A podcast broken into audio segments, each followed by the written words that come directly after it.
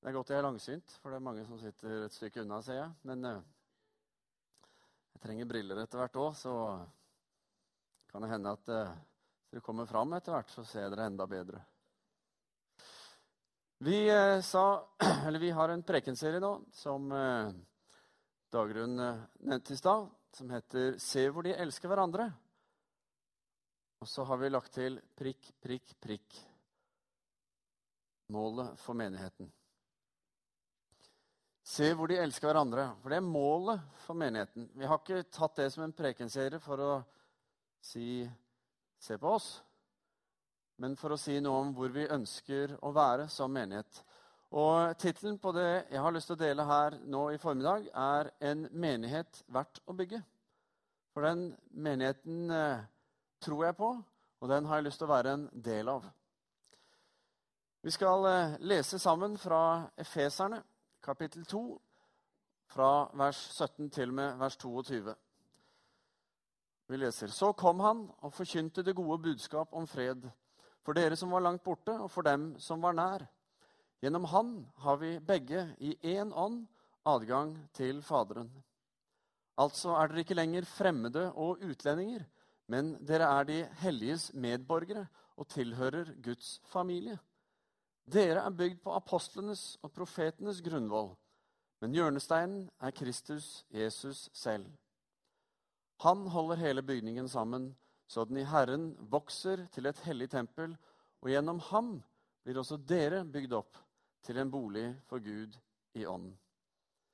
Kjære far, jeg ber her om at uh, du ved din ånd skal uh, tale til oss. Tal gjennom ditt ord. Herre, rør ved oss. Forny oss, og la oss, Herre, få erfare din kjærlighet på en eh, grunnleggende måte i våre liv.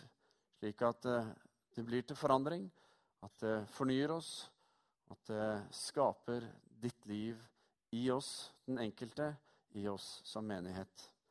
Herre, vi ber om det fordi vi vet i vårt indre Herre, at det er det vi lengter etter, det er det vi trenger. Og vi vet at det er det som er svaret for Stavanger, for eh, nabolagene våre, for arbeidsplassene våre, Herre, for der hvor vi ferdes. Herre, kom du og vær midt iblant oss. Vi ber i Jesu navn. Det, viste, det hadde seg sånn at eh, det var en eh, kar som opplevde å bli skipbrudden. Si, skipet han var om bord i, det sank i en storm, og han endte opp alene på en øde øy. Helt sikkert i Stillehavet, for der finnes det flere av de. Eh, og han eh, måtte jo klare seg selv, og eh, måtte, etter gjennom mange år så hadde han bare fått utviklet livet sitt i ensomhet der på denne øyen.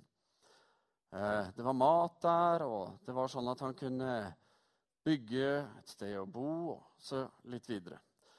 Og gjennom mange forsøk på å prøve å oppnå kontakt med noen av de få skipene som seilte forbi, så hadde han eh, skjønt at dette kom til å ta tid, for det var ikke lett.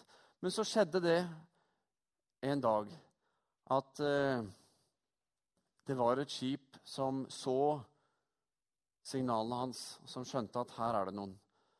Så kom de, og de kom i møte med mannen der på øya, og de skjønte at han hadde vært her i noen år og, at, eh, og, de var jo veldig da spente og tenkte på hvordan verden har du klart dette.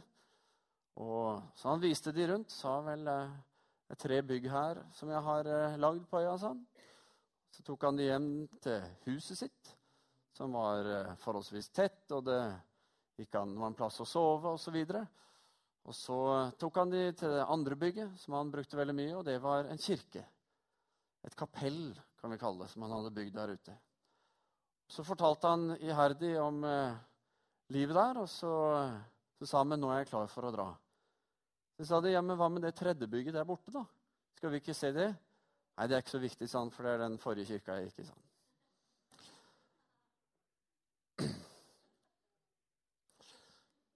Se hvor de elsker hverandre. En setning som uh, har sittet langt inne. Med en gang når vi satt uh, i forkynneringen, som eh, noen kaller det. Men vi er en, et team som eh, jobber sammen om forkynnelsen her. Og satt vi og tenkte OK, når det kom det som et forslag Se hvor de elsker hverandre. Så kjente jeg janteloven skreik og ropte inni meg og sa må ikke finne på. Folk kommer til å reagere på det. For det hender at når det blir litt sånn der, selvgodt i det ytre, så, så, er det noen som sier at nei, uff, dette liker vi ikke. Og det kjente jeg. Nei, uff, dette liker jeg ikke. Liksom må stå her oppe og se hvor vi elsker hverandre. ikke sant? Kjente at nei, det var, ikke, det var ikke sånn. Jeg kunne ikke stå der og gjøre det. Men så snakket vi videre om uh, dette som vi da ønsket å dele. Og uh, vi sa, så kom vi fram til at hvis vi la til dette målet for menigheten og så får vi si at vi er ikke der nå, men vi ønsker å være en menighet som handler om Guds kjærlighet. Som handler om at vi elsker hverandre. Ifølge Tertulian, en, eh, en av kirkefedrene, så er dette sitatet, som ikke da står i Bibelen, men det er et sitat fra en av Tertulian sine eh, samtidige. En kirkefremmed som eh, overfor Tertulian måtte betraktet det han så når han så eh, de kristne. Så sa han, 'Se hvor de elsker hverandre'. Han sa ikke 'se hvor de elsker Gud'. Det var nok ikke så lett å se. Altså, Hvordan beskriver du det? Han sa heller ikke 'se hvor de elsker sin neste', selv om han så det. Men 'se hvor de elsker hverandre' ble denne kirkefremmedes beskrivelse. Eh, og det er jo noe som menigheten fra begynnelsen av var kjent for. Det var at den tok et oppbrudd med det vanlige. Og så gjorde den noe helt annet. Ser vi i apostlenes gjerninger, så ser vi at de solgte alt de hadde. Og så ga de av alt overskudd til de fattige. Og så hjalp de, og så levde de på en radikalt annerledes måte. Men her var det altså synlig at her var det skjedd noe. Og det var en barmhjertighet, det var et tjenersinn.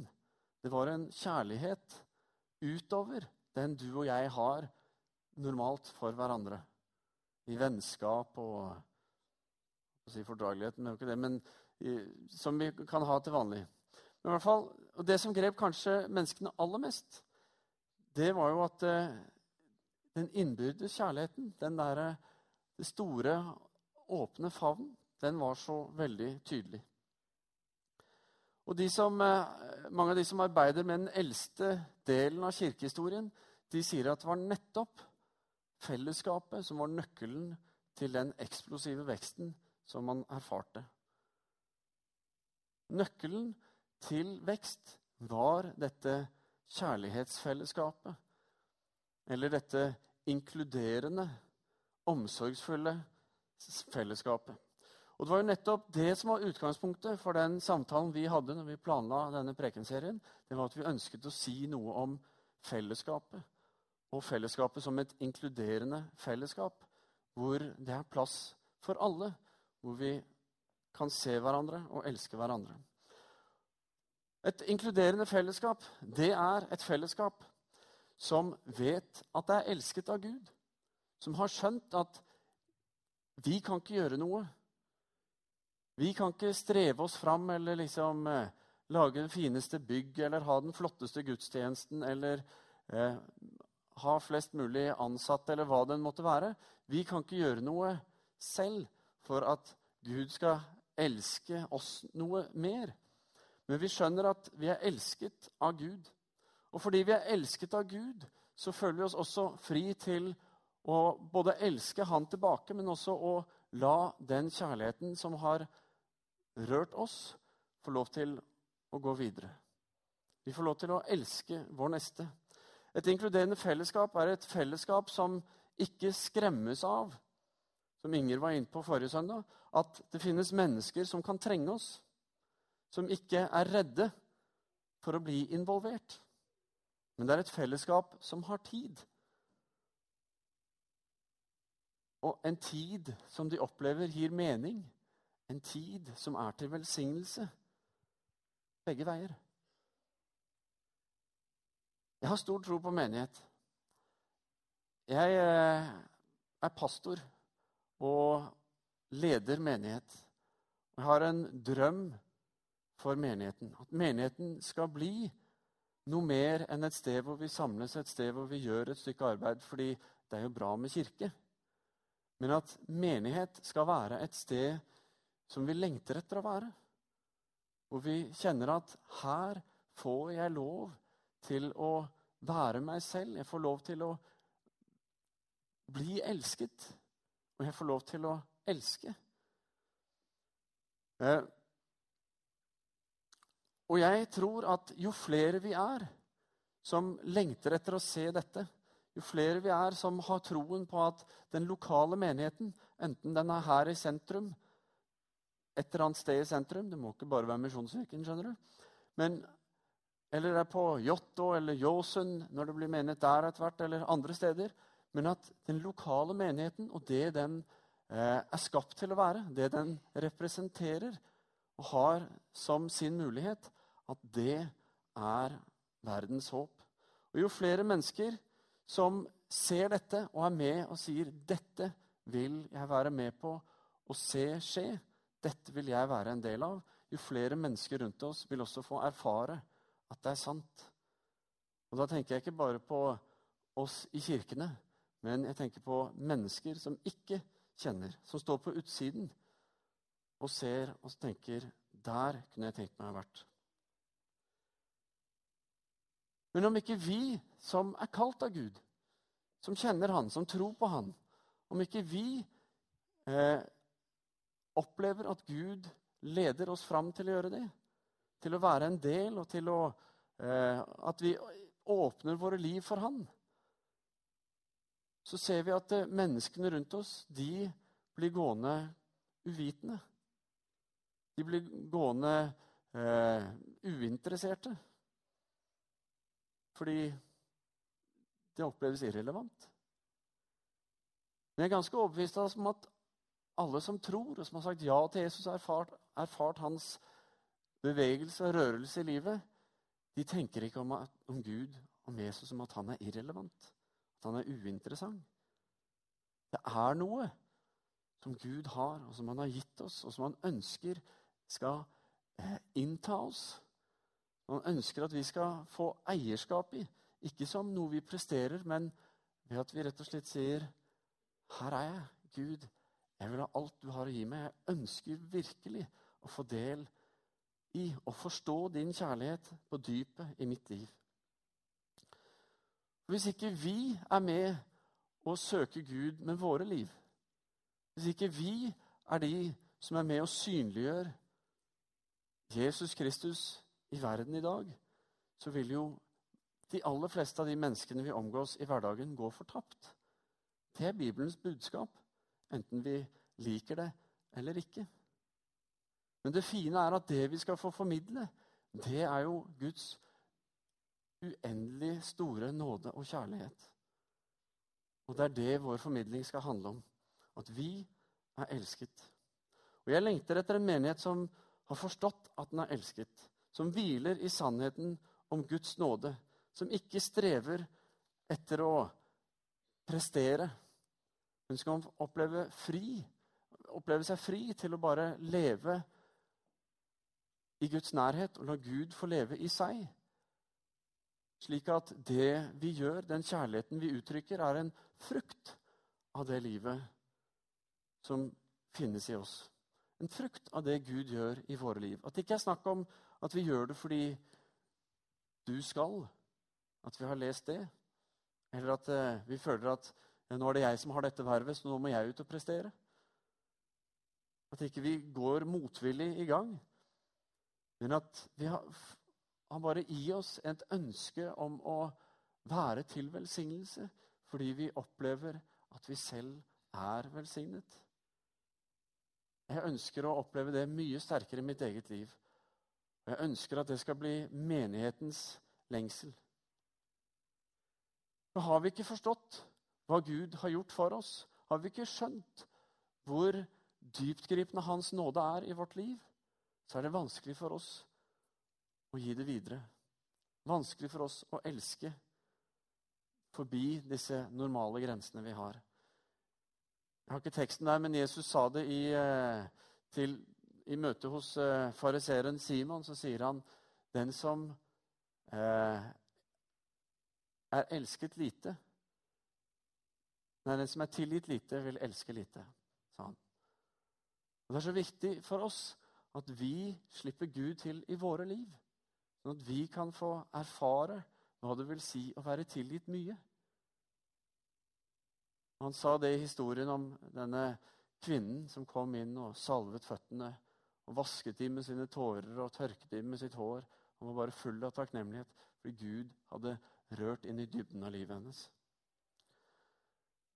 Tenk om menigheten var kjent for at den hadde en omsorg for alle.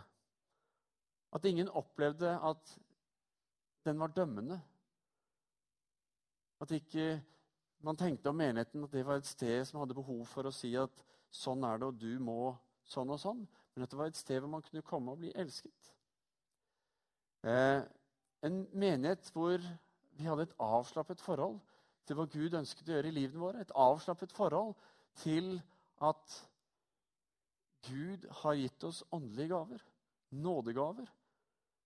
At Gud har sett på deg og ditt liv og tenkt du skal få lov til å stå i en spesiell tjeneste der. Du skal få lov til å være med og eh, være gjestfri og åpen og særlig imøtekommende. Du skal få lov til å være med og eh, be for mennesker. Du skal få lov til å være med og dele evangeliet. Du skal få lov til å være med, osv., osv. Enten vi eh, skjønner det eller liker det, eller hva det måtte være, så er det Bibelens klare budskap at Gud har fordelt si, sine gaver.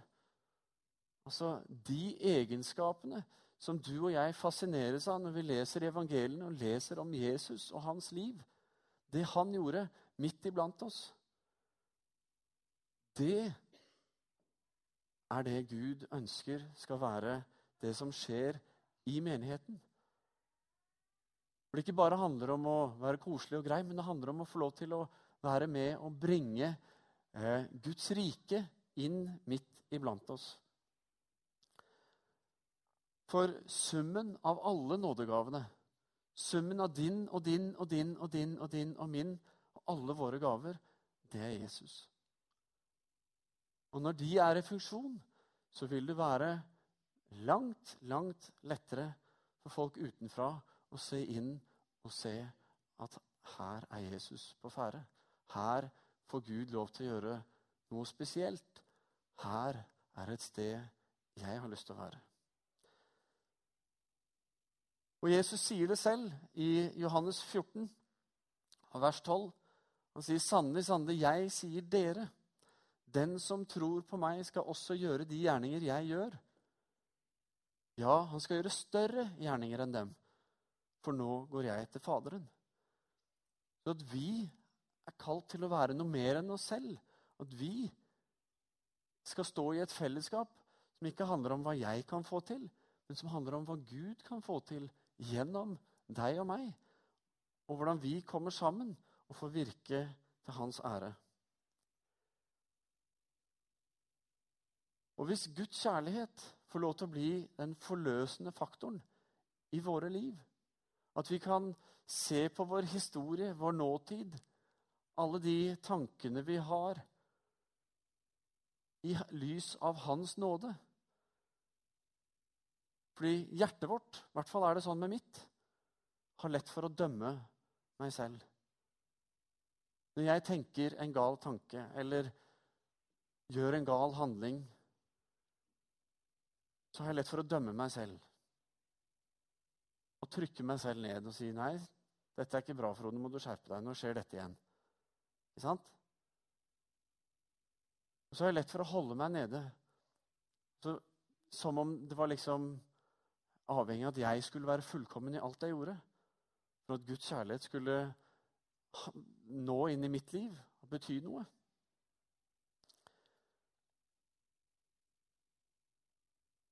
Men at vi skulle få lov til å erfare at det handler ikke om det. Men det handler om at vi er elsket, og at vi tar imot den kjærligheten. Og hvis den kjærligheten ligger i bånd, så vil også gavene, de åndelige gavene, bli brukt i kjærlighet. Til Guds ære, ikke til min vinning, fordi jeg var så heldig å få den derre F.eks. Be for syke, så blir de friske. Så kan jeg gjøre et stort nummer ut av at det er jeg som har det. Men poenget er at det er ikke bare jeg som skal ha det. Vi er flere som skal ha det. Og flere av oss kan ha flere gaver. Og jeg tror det beste med det hele tror jeg at jo mer Gud ved sin kjærlighet, ved sin nåde, får lov til å være fundamentet i våre liv, jo mer vil den tiden vi bruker i tjeneste for Han, sammen med Han, sammen med hverandre, jo mer vil den oppleves som en tid som gir mening, en tid som gir innhold, en tid som velsigner, og en tid som vi lengter etter å være en del av. Da er ikke tidsklemma og alle disse tingene konkurrentene eller det inne, men vi får virkelig erfare at wow, Gud ønsker å være sammen med meg. Han ønsker å bruke meg. Så har han satt meg i en sammenheng hvor jeg får lov til ikke bare å bli brukt, men jeg får bli velsignet av alle de andre som har sine gaver i funksjon, som har tatt imot Jesus og latt Guds nåde være sann i livet deres. Jeg tror på at en sånn menighet er verdt å bygge. Jeg tror det er noe å lengte etter og strekke seg etter. Fordi det vil gjøre så utrolig mye mer med mitt trosliv. Jeg tror det vil gjøre utrolig mye mer med ditt trosliv også. Jeg tror mange av oss går rundt og kjenner på at det skulle vært deilig å liksom, hatt et steg opp, et nivå mer. Kjent at dette var enda mer. Jeg tror Gud ønsker å gjøre alt. Han har gitt oss alt. Og han sier at vår, eh, at vi skal få oppleve hans fullkomne kjærlighet. Så det skal fullkommengjøres.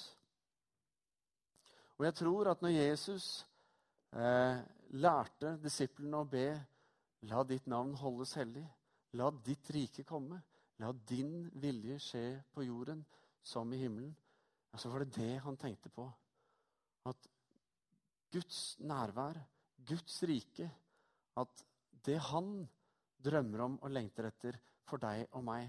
At det var det vi skulle se skje midt iblant oss. At det var det vi skulle søke etter. Det var det vi skulle be om. At han skulle få være byggherren. Gud, og at Jesus var hjørnesteinen, som vi leste om i teksten i starten. Og Paulus opplever altså bekrefter dette i Efeserne 3, vers 20. For da snakker han om Han, så Gud ved sin ånd, Han som virker i oss med sin kraft og kan gjøre uendelig mye mer enn det vi ber om og forstår. Langt lenger enn det du og jeg begrenser våre tanker til. Men når han får gjøre det, da blir det uendelig mye mer. Se hvor de elsker hverandre. Ikke fordi de er så gode, men fordi Gud har fått gjøre noe i livene til den enkelte i fellesskapet som har forandret livet. Det skjer noe nytt, en omvendelse. Kanskje trenger vi en vekkelse blant oss som tror. Vi våkner opp og ser hva Gud faktisk har gjort. At det skal være vår bønn og lengsel. At det ikke handler om hva vi skal gjøre, men at vi skal få erfare og være en del av det. Det er alltid et snakk om hva Gud kan få gjøre midt iblant oss. For det er han som skal gjøre det.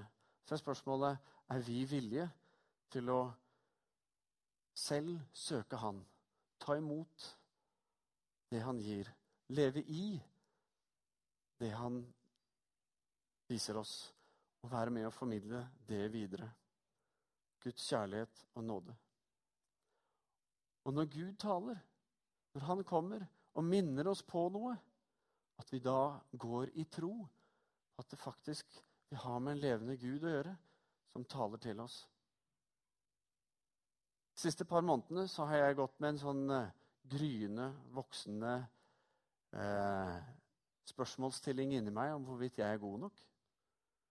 Om jeg har det som trengs. Jeg har tidligere slåss med rollen og hvordan den skal se ut. og Hvorfor er ikke jeg som de andre pastorene? Men nå handler det mer om om jeg er god nok. Om jeg har det som skal til for å stå i denne tjenesten. For å være den jeg opplever Gud har kalt meg til å være. Og jo mer den tanken har fått eh, virke og gnage, jo mer så er det blitt et reelt spørsmål. Jeg tror mange av oss opplever lignende ting ting får lov til å gnage i oss. Og så eh, er jeg på kontoret her denne uka. Står i døra hos Inger og prater litt. Så legger jeg merke til at utgangsdøra er åpen. Jeg kikker bare rett rundt veggen, og så ser jeg et ansikt i døra som kikker inn. Så sier jeg 'god dag', sier jeg. 'Buongiorno', sier han. Jeg fri, sier frimodig tilbake 'buongiorno'. Jeg skjønner jo hva det betyr. Men der stopper det. Så jeg spør 'do you speak English?' Og så snakker du engelsk. 'Little bit', sier han. Så går jeg bort, så er han der sammen med sin kone. De er eh, i Stavanger med cruiseskip og går rundt og kikker. Og så ser de Misjonskirken, og så opplever de at det er et spesielt lys over Misjonskirken. Så de tenker 'la oss gå dit'. Så står de der, og så er døren åpen tilfeldig. Så kikker de inn. Så begynner vi å prate. Og de liksom, ja, dette, Åssen kirke er dette? Jo, en evangelisk eh, kirke og så videre. Jeg tenkte italiensk. Ja, de er sikkert eh, katolske, tenkte jeg. Kanskje de var på jakt etter den katolske kirken her oppe. Men, i hvert fall, men de var fra en evangelisk eh, menighet i Palermo, og de fortalte eh, at det var en eh, litt om den menigheten og hva de sto i der. Og så ble vi stående og prate om alt mulig, egentlig. Eh, så jeg tenkte etter hvert, for det har vært en travel uke, så tenkte jeg turistprat. Så er vi snart ferdige, liksom.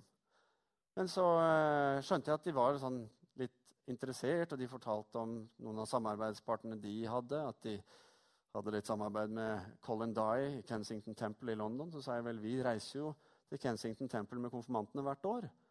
Blant annet, og Hillsong og et par andre menigheter i London. Vi pratet litt, og så spurte jeg har dere lyst til å komme inn og se litt rundt. Og så, så liksom, Nei, det var liksom ikke det. Men kunne de låne toalettet? Jo, det kunne de. Og så viste jeg dem hvor det var, og så gikk kona hans på toalettet. og Hun pratet ikke engelsk, så han drev og tolka for henne hele tiden. da, Det han og jeg pratet om. Og Så måtte jo han på do òg, så da hadde vi en sånn stille stund jeg og denne italienske kvinnen. Hadde ikke noe språk å kommunisere på.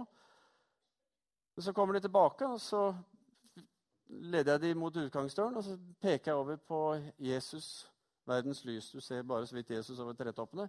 Men jeg sa, der også fortalte jeg litt om byen, og vi hadde snakka litt om vekkelsen som fødte denne menigheten osv. Så, videre. så plutselig Elia het han forresten. Plutselig så bare sier han Jeg opplever at uh, Den hellige ånd sier til meg at jeg skal si til deg at du er elsket. Akkurat sånn du er. At han liker hjertet ditt. Du skal stå på de løftene som du har fått. Og nå som da så kjempet jeg tappert med tårene. De som kjenner meg godt, vet at det er sjelden tårene kommer i dette ansiktet. Men det er bare sånn jeg er. Men jeg kjente at å, Jeg trengte å høre det. Jeg trengte å få det formidlet. Jeg trengte å være en del av et stort fellesskap hvor vi elsker hverandre. Hvor en italiener fra Palermo, som bare har noen ganske få timer til å oppleve Stavanger, kommer opp hit og lytter og deler. det han opplever at Gud taler til han. Jeg ble helt satt ut. Så må vi bare gå inn. Så må vi bare Oi, Gud, du er god. Jeg tror det er sånn Gud ønsker å virke midt iblant oss. At ikke vi må vente på en Elia fra Palermo for å høre det.